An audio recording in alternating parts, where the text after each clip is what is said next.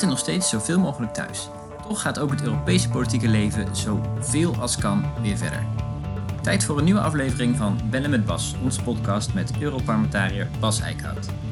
We gaan het hebben over de exit-strategieën in verschillende Europese landen, over waarom alleen een Europese app echt gaat werken en over een groene herstart van onze Europese economie. Mijn naam is Jeroen Steenman. Abonneren op deze podcast kan via Spotify, iTunes of via e-mail. Kijk op europa.groenlinks.nl slash bellen met Bas voor details.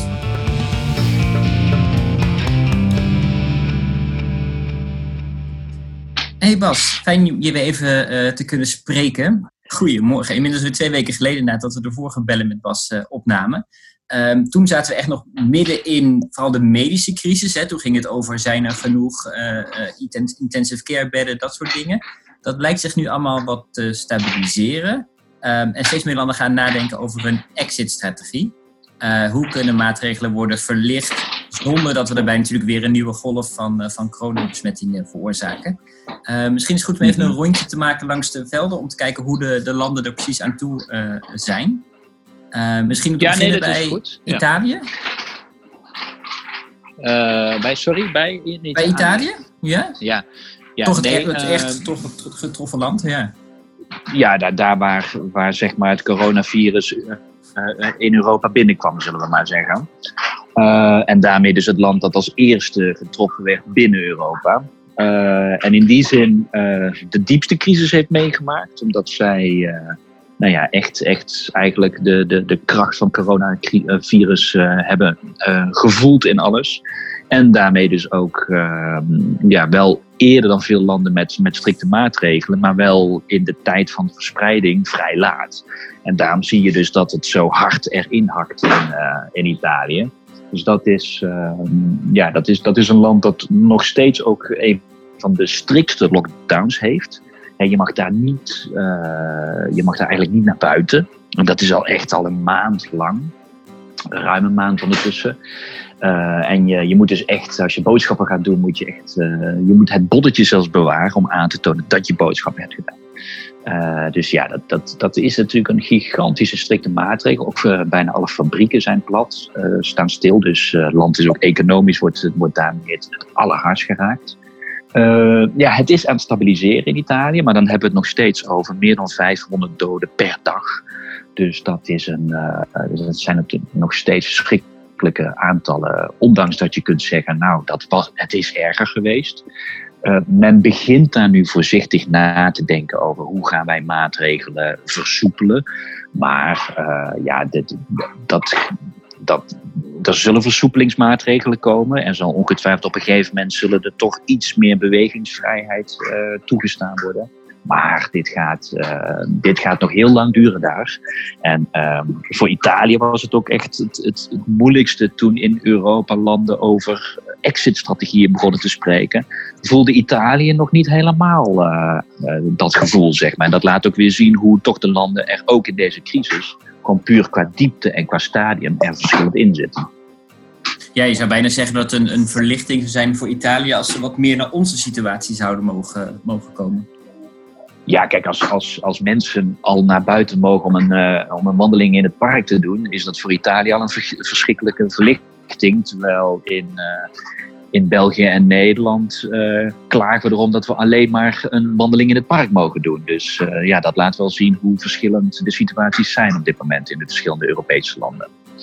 Ja, precies. Oké, gaan we even door naar, naar Frankrijk. Daar was een, eh, een grote speech van, eh, van Emmanuel Macron, zoals de Fransen dat kunnen, rechtstreeks vanuit het Elysée naar de bevolking.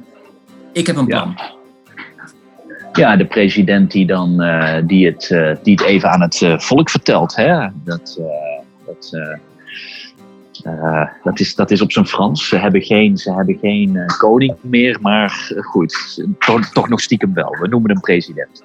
Uh, ja, Macron die heeft een uh, hele lange speech gehouden om uh, nou eigenlijk twee boodschappen te geven. Namelijk, het is nog steeds serieus. we zijn er nog niet. Maar we moeten nu wel serieus gaan nadenken over hoe komen we uit deze crisis? Hoe gaan we stappen zetten? En ehm, welke, welke maatregelen gaan we stapsgewijs doen? En al echt wel een, een eerste indicatie over hoe hij denkt dat we straks met een herstelplan gaan komen. Dus ook echt een economisch herstelplan. En uh, dat, dat brengt hij groots en meeslepend, zoals dat een, een, een Franse president betaamt. Um, ja, in Frankrijk is het ook een redelijk strikte lockdown. Je mag wel een, een wandelingetje maken, maar je moet aantonen dat dat binnen een bepaalde straal van je huis is. Dus je moet echt aantonen waar je woont. En als je iets te ver van je huis af bent, dan krijg je dan een boete. Um, er zijn ook de meeste boetes gegeven in Frankrijk. Dus de politie is daar ook uh, geïnstrueerd om uh, het heel streng te handhaven.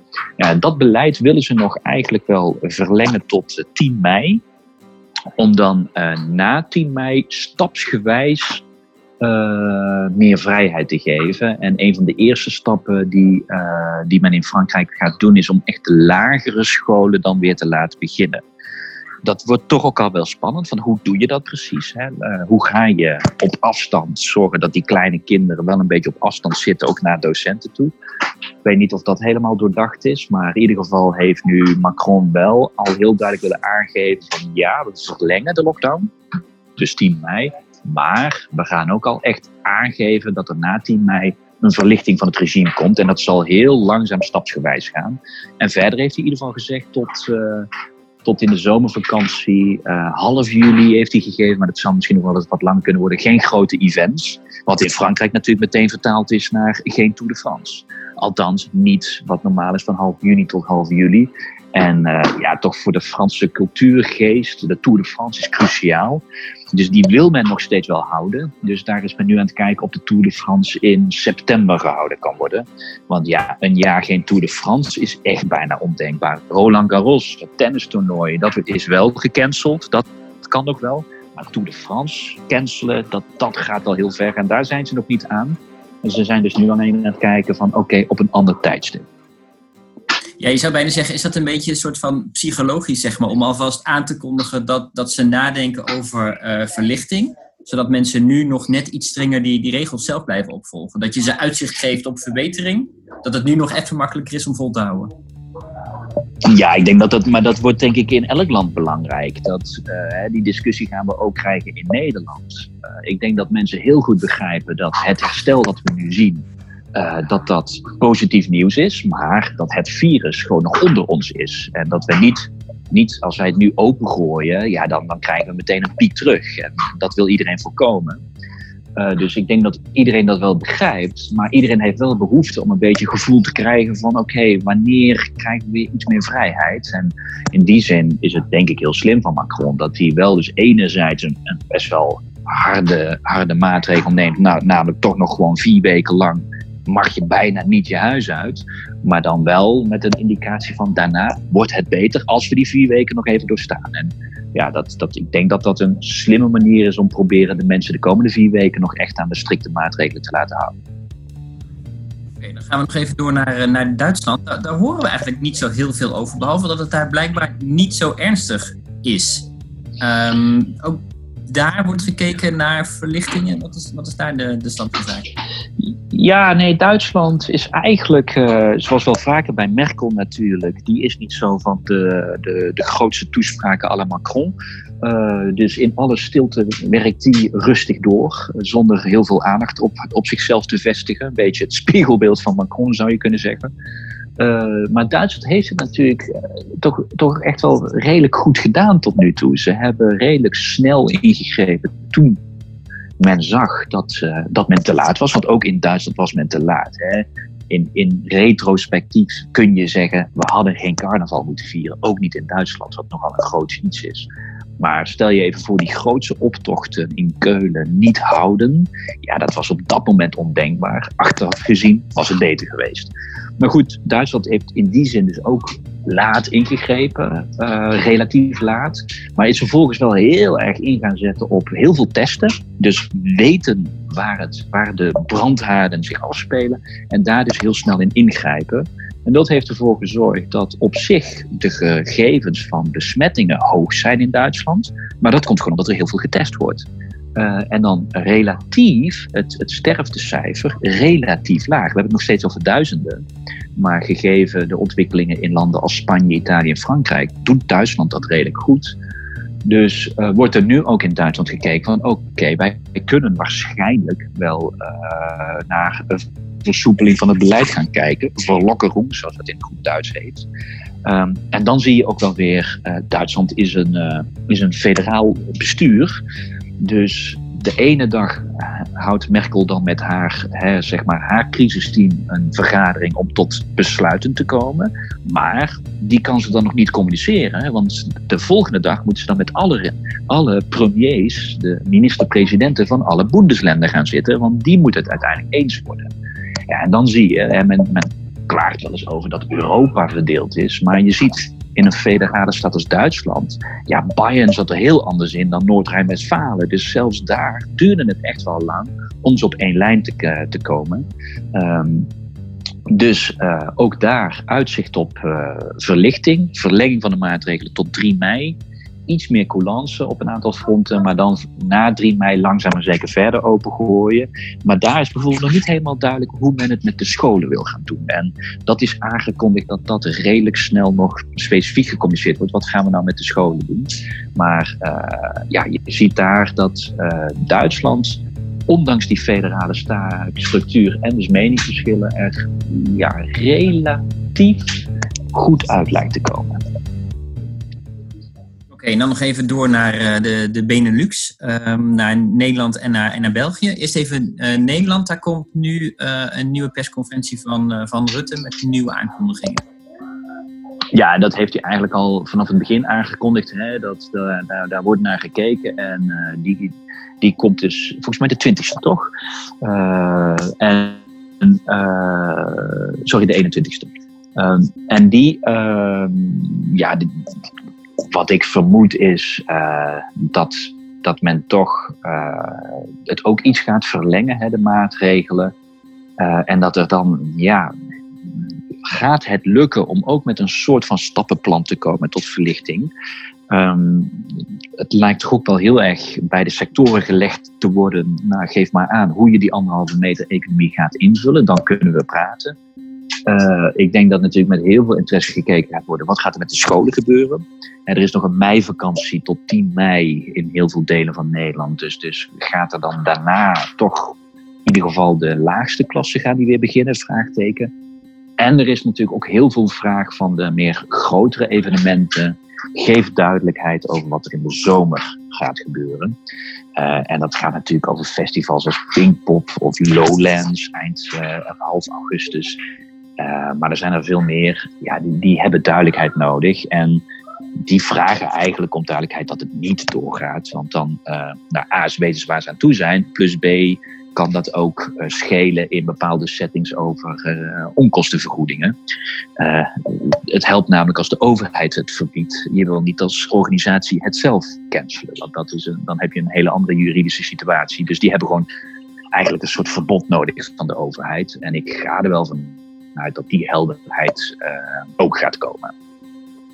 Ja, dat is dan misschien meteen een brugje naar België, want daar is nu inderdaad in ieder geval gezegd, inderdaad grote um, evenementen, massabijeenkomsten, zeiden ze volgens mij tot 31 augustus ja. sowieso uh, niet. Dus inderdaad in België, de festivals weten dan dus nu waar ze aan toe zijn. Al is nog niet helemaal duidelijk wat nu een massabijeenkomst is. Deze week gaan ze nog bepalen waar dan die limiet ligt qua, qua aantal uh, bezoekers.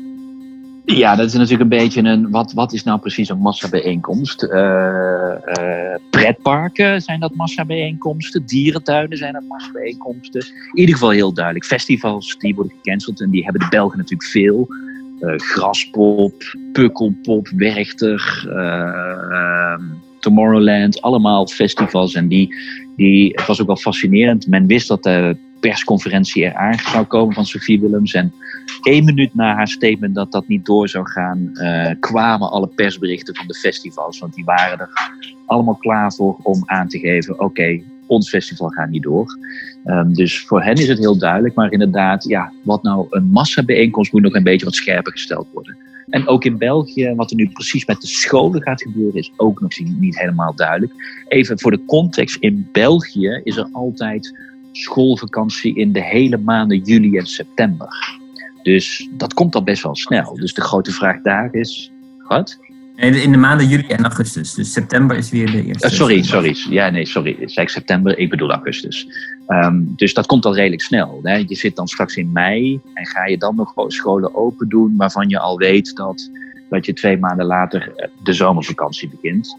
Dus in ieder geval voor de hogescholen en universiteiten is het duidelijk dat dat, dat niet gaat gebeuren. Men, men moet dat echt nog kijken voor de, voor de lagere scholen.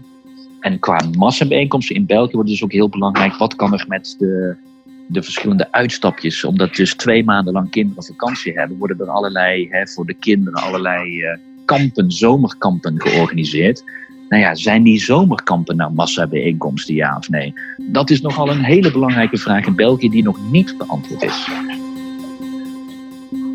Nee, dan we gaan het zien in ieder geval de, de komende tijd. Um, in veel van die, van die exit-strategieën gaat het over de app of over een app. Um, om dat virus onder controle te houden. Kun je weten, kun je bijhouden met wie in contact bent geweest. Dat als er nog ergens een besmetting is, dat mensen dan weer uh, um, uh, op de hoogte gebracht kunnen worden. dat is nu heel erg wat landen los heb ik het idee aan het, aan het verzinnen, aan het opzetten zijn. Um, maar is daar niet ook een rol voor Europa in te spelen? Uh, wetgeving is in principe Europese wetgeving. Hoe, hoe zit dat precies? Ja, nou ja, net zoals op veel fronten is altijd de vraag van hoeveel kan Europa? Hè? Net die exit-strategie. De Europese Commissie heeft wel uh, richtlijnen uitgegeven van alsjeblieft landen, coördineer dat wat meer met elkaar. En als je het doet, kijk echt naar deze en deze criteria op basis waarvan je dan uh, versoepelingsmaatregelen kan voorstellen. Maar dat zijn puur aanbevelingen, omdat landen uiteindelijk over hun nationaal beleid gaan. En gaan scholen open of dicht, dat is gewoon nationale besluitvorming. Dus de Europese Commissie kan daar niet alleen maar vragen, niet meer dan vragen, alsjeblieft coördineer en wij kunnen daarbij helpen. Uh, ook omdat natuurlijk die besluiten gevolgen hebben voor wat doen we met grensovergangen tussen landen. Maar ja, bij deze app is dat wederom uh, weer een, een, een, een uh, grensgeval tussen wat, wat gaan we nou met die app doen. En natuurlijk wil elk land zo snel mogelijk helderheid erover. Nou, dat zie je de discussie in Nederland, waar Hugo de Jonge allerlei input heeft gevraagd en heel veel reacties heeft gekregen. Maar uiteindelijk hier, nou, ten eerste, het is aan te bevelen dat we dat wat Europees coördineren. Want nou ja, dit heeft ook gevolgen voor hoe mensen straks over de grens gaan. En we gaan een zomerseizoen in. En het is nu heel duidelijk. Kijk, een totale lockdown zal er waarschijnlijk niet zijn in de zomerperiode. Maar vrijelijk op vakantie gaan overal zal ook niet gebeuren. Zeker niet als bepaalde landen zeggen, nou wij willen liever nog in ons land geen toeristen. Dat is allemaal nog onduidelijk, maar straks zullen mensen weer gaan rondtrekken.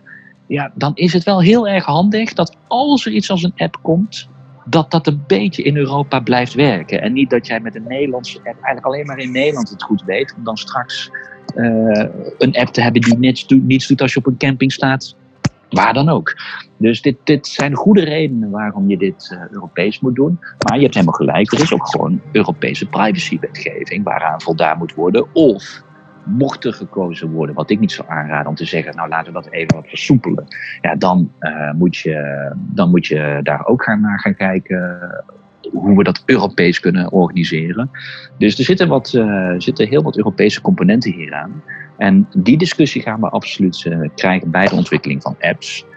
En ik hoop in ieder geval dat wat er ook gebeurt, we proberen echt een Europese app te, te organiseren die aan een aantal hele strikte voorwaarden voldoet. En ook heel belangrijk dat die wel open source is. Want ja, het zou natuurlijk heel raar zijn als wij nu uh, met publieke druk een app laten ontwikkelen waar mensen door de overheid worden gestimuleerd om daar gebruik van te maken, maar dat vervolgens de gebruikersrechten bij een private partij zit die daar dan geld mee verdient. Want dan ben je eigenlijk weer als publieke overheid, uh, private partij aan het faciliteren dat lijkt me in deze tijden van een pandemie een heel slecht idee. Dus open source zal ook een van die voorwaarden moeten zijn, wat mij betreft ook op Europees niveau. Ik weet dat GroenLinks dat ook eist in Nederland, maar dit lijkt me ook een typische eis die we Europees moeten, moeten faciliteren.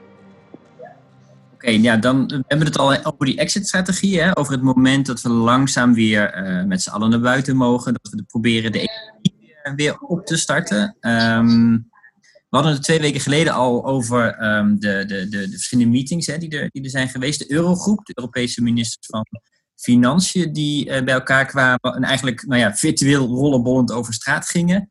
we hadden een uitslag waarin iedereen had gewonnen. In het begin was het onoverbrugbaar en een half uur later was iedereen het met elkaar eens en had iedereen gewonnen.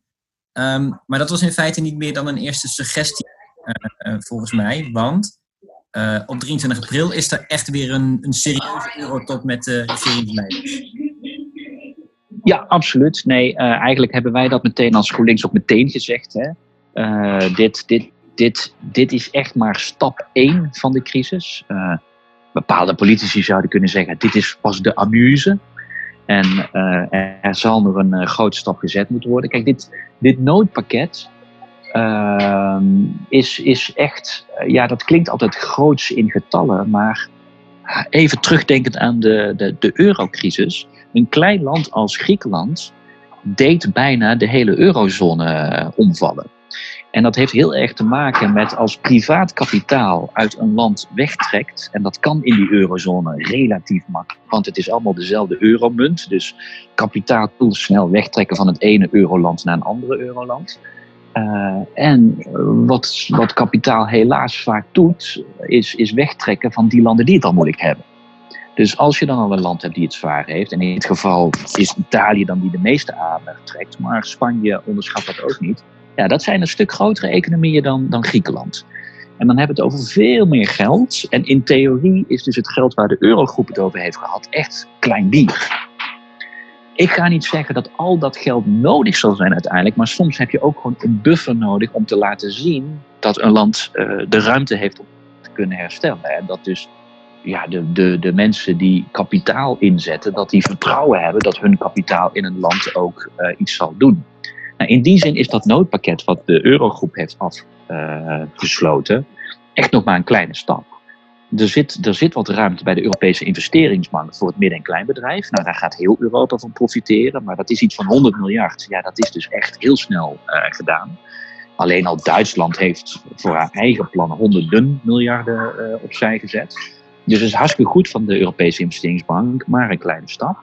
Dan hebben we natuurlijk vanuit de Europese Commissie het idee om uh, werkloosheidsverzekering op Europees niveau af te dekken ook daar geldt, uh, gegeven de gigantische groei in werkloosheid die we nu al zien en die te verwachten staat, is dat ook een, een, een, een belangrijk iets, maar zal ook redelijk snel op zijn.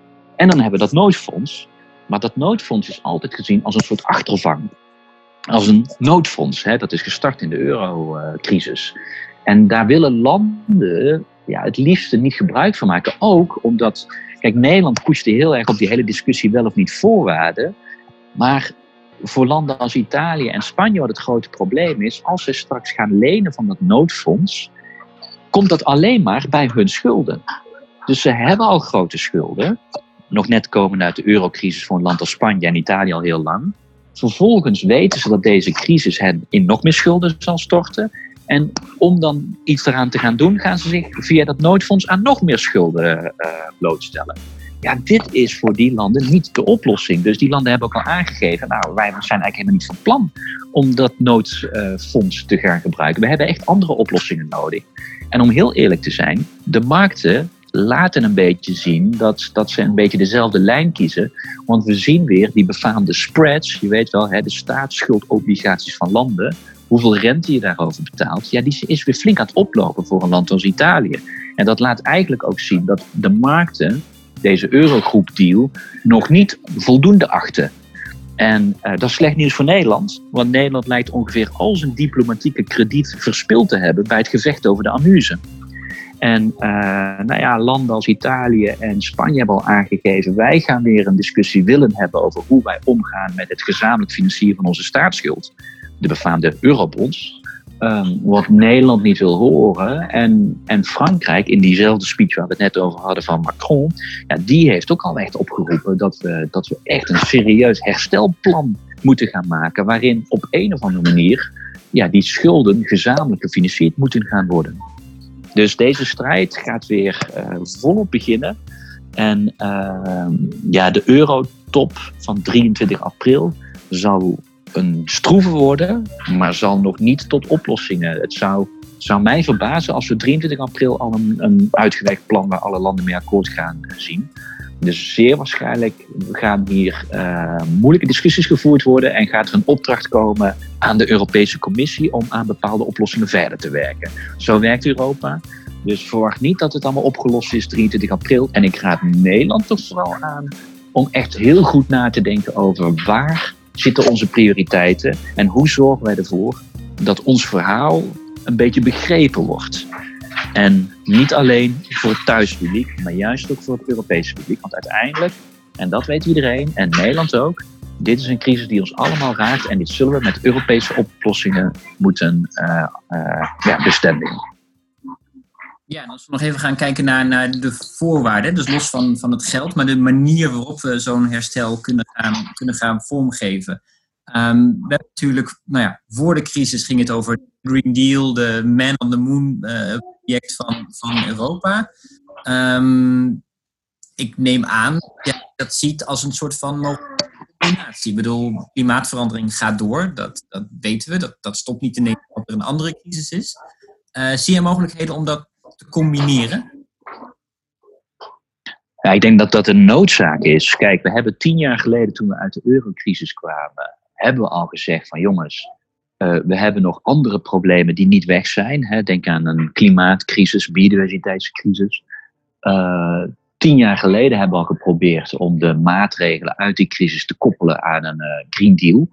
Dat is tien jaar geleden niet geholpen. Hebben eigenlijk heel veel publiek geld gestopt om private schulden van met name de bankensector over te nemen. Vervolgens hebben we een schuldenproblematiek van de overheden als een probleem gezien en zijn allerlei bezuinigingsoperaties op ons neergedaald, waarin de hele publieke sector nogal uh, uitgedund is. En drie keer raden, waar hebben we nu een probleem? In de uitdunning van de publieke sector. Zie bijvoorbeeld gezondheidszorg. Ja, dit laat zien dat we heel veel fouten hebben gemaakt uh, om uit de vorige crisis te komen. Je mag hopen dat we die fouten niet opnieuw gaan maken. Nou ja, dat is wederom. In die context moet je ook Macron's speech zien, waarin hij het heeft over een investeringsprogramma. Is dat natuurlijk een directe oproep om nu niet meer te gaan zeggen na de eerste crisis geledigd is, waarbij wij nu eigenlijk uh, waarschijnlijk eigenlijk de hele reële economie gaan opvangen. Oftewel weer een toename van publieke schulden. Gaan we dan weer alleen maar over bezuinigingen nadenken? Nou, ik denk dat er een aantal landen heel duidelijk zeggen: die fout moeten we niet nog een keer maken. Frankrijk voorop. Lijkt mij een verbetering ten opzichte van tien jaar geleden. Uh, maar de volgende vraag is ook van, ja, maar kunnen we er dan alsjeblieft voor zorgen dat als wij een, een, een herstelfonds, een herstelplan maken voor de economie, dat we dan de economie helpen om op een groen pad uit deze crisis te komen. Zodat wij, terwijl we uit deze economische crisis naar corona komen, we ook de klimaat- en de biodiversiteitscrisis aanpakken. Ik zie daar nu veel meer debat over dan tien jaar geleden. Uh, redelijk wat ministers, ook van verschillende landen, hebben dit al eigenlijk in deze woorden gezegd. Uh, inclusief ook Nederland. Dus ik ga Nederland daar wel aan houden. Uh, en uh, je ziet ook wel dat het bedrijfsleven daar genuanceerder in zit dan tien jaar geleden. Um, dus, dus er, zijn meer, uh, er is meer steun voor een wat slimmere manier om uit de crisis te komen. Maar dat zal zeker nog een fors politiek gevecht worden. Ja, maar ik mag concluderen dat je voorzichtig optimistisch bent dan? Dat, ja, op dit moment is de Green Deal staat veel centraler op de politieke agenda. Dus dat is een goed startpunt. Uh, maar we gaan straks wel echt een hele fundamentele discussie krijgen over hoe zorgen we ervoor dat er ruimte is voor een investeringsprogramma die dan ook nog eens groen is. Ja, dat, dat zijn wel twee stappen die we moeten zetten. En ruimte voor investeringen, waarbij we een keer hopelijk niet in die val van conservatief Europa vallen, met name Nederland en Duitsland die dat tien jaar geleden pushten. Bezuinigen, bezuinigen, bezuinigen. Nou, dat is, een, dat is een strijd die gevoerd moet worden. En ik denk dat we daar vooral een politieke strijd zullen zien tussen links en rechts. Vervolgens gaat het er dan ook over zorgen ervoor dat er, dat er meer ruimte komt voor de landen die het zwaarst getroffen worden. Nou, dan krijg je een beetje strijd tussen Noord en Zuid. En vervolgens moet je nog een discussie krijgen over zorg dat die ook groen is. En dan zul je wat meer een strijd zien tussen Oost en West. Dus er zijn op veel manieren strijden te voeren die allemaal langs andere breuklijnen zullen vallen. Uh, nou ja, dat is Europa, dat, uh, dat hoort erbij, helaas. Maar ja, ik heb goede hoop dat we dit keer leren van de fouten uit het verleden. Oké, nou we gaan het in ieder geval zien bij de, de, nou goed, de eerste stappen bij, bij de Eurotop van, van volgende week. Ehm, dat was eigenlijk wel wat we, wat we te, te bespreken hadden. Um, voor nu, hè? Voor nu, ja. Voor nu wel. Um, hoe gaat het verder? Ik dacht, laten we ook even wat persoonlijker worden. Hoe gaat het verder um, met je werk, met jou? Je zit uh, thuis nog steeds. Ja. Je, mag, goed, je woont in Brussel, dus je mag af en toe naar buiten voor een wandelingetje in het, in het park. maar je moet wel alles op afstand blijven doen. Hoe, hoe voelt dat als een politie zo toch op afstand te zitten? Ja, dat, dat, kijk, om heel eerlijk te zijn, ik vind het helemaal niks. Kijk, uh, het is natuurlijk hartstikke mooi om allemaal te zeggen: houd vol en we zijn goed bezig. En um, uh, nou ja, ik bedoel, ik hou het heus wel vol. Maar om gewoon heel eerlijk te zijn, het werk is er niet leuker op. Uh, ik vind ook die afstandsmaatschappij is niet een maatschappij de, de, waar ik vrolijk van word de beelden van lege steden maakt mij gewoon triest. Uh, daar zijn steden niet op gebouwd. Uh, ik maak me ook zorgen over uh, wat er achter alle voordeuren gebeurt. we verliezen op dit moment veel uit het oog ook kinderen. huiselijk geweld, dat weten we nu niet. Ik vrees dat die getallen straks ernstiger zullen zijn dan we nu doorhebben. Uh, we vragen gewoon heel veel van heel veel mensen. En uh, natuurlijk kun je zeggen, niet zeuren, want het is een strijd om leven en dood voor andere mensen. En dat klopt helemaal. Dus ja, hashtag houdt vol. Maar ik denk dat het toch ook gewoon wel heel terecht is dat, dat er ruimte moet zijn voor mensen om gewoon aan te geven van dit is gewoon niet leuk. En voor mij persoonlijk, nee, ja, politiek is toch een, een, een contactsport. Uh, je hebt toch de, de spreekwoordelijke wandelgangen nodig voor, voor het echte finesse ja, er zijn geen wandelgangen. Ik bedoel, ik zit thuis. Dus dat maakt het politieke werk moeilijk. En ja, ik, ik ben niet helemaal gemaakt om altijd in één kamer te zitten. Dus nee, ja, het, het, het, is niet makkelijk. ja, hashtag houd vol. Ik doe het. Maar nee, ik ben er niet zo van om allemaal maar te doen alsof het allemaal geweldig en leuk is. dat is het gewoon niet. Oké, nou ja, um, we, houden, we houden dus, eh, dus vol. Uh, dat blijven we doen. Hopelijk als we elkaar over, een, over een, een, week of twee weer spreken voor een volgende, volgende opname. Hebben we in ieder geval zicht op, uh, nou ja, op, op verlokkerungen, om het mooie Duitse woord nu eens te gebruiken. Dan kijken waar we, waar we dan staan. Het zal stapsgewijs zijn, ja. Dus verlokkerung, maar wel op een hele langzame manier. Dus we zitten er nog wel even. Dus houd vol, Jeroen. Eh, gaan we doen. Tot gauw, Bas. Oké, okay. tot snel. Hoi. Dit was Bellen met Bas, een podcast van GroenLinks Europa en de Groenen in het Europees Parlement. De vormgeving is door Cloak. Meer info over abonneren vind je op europa.groenlinks.nl slash bellenmetbas.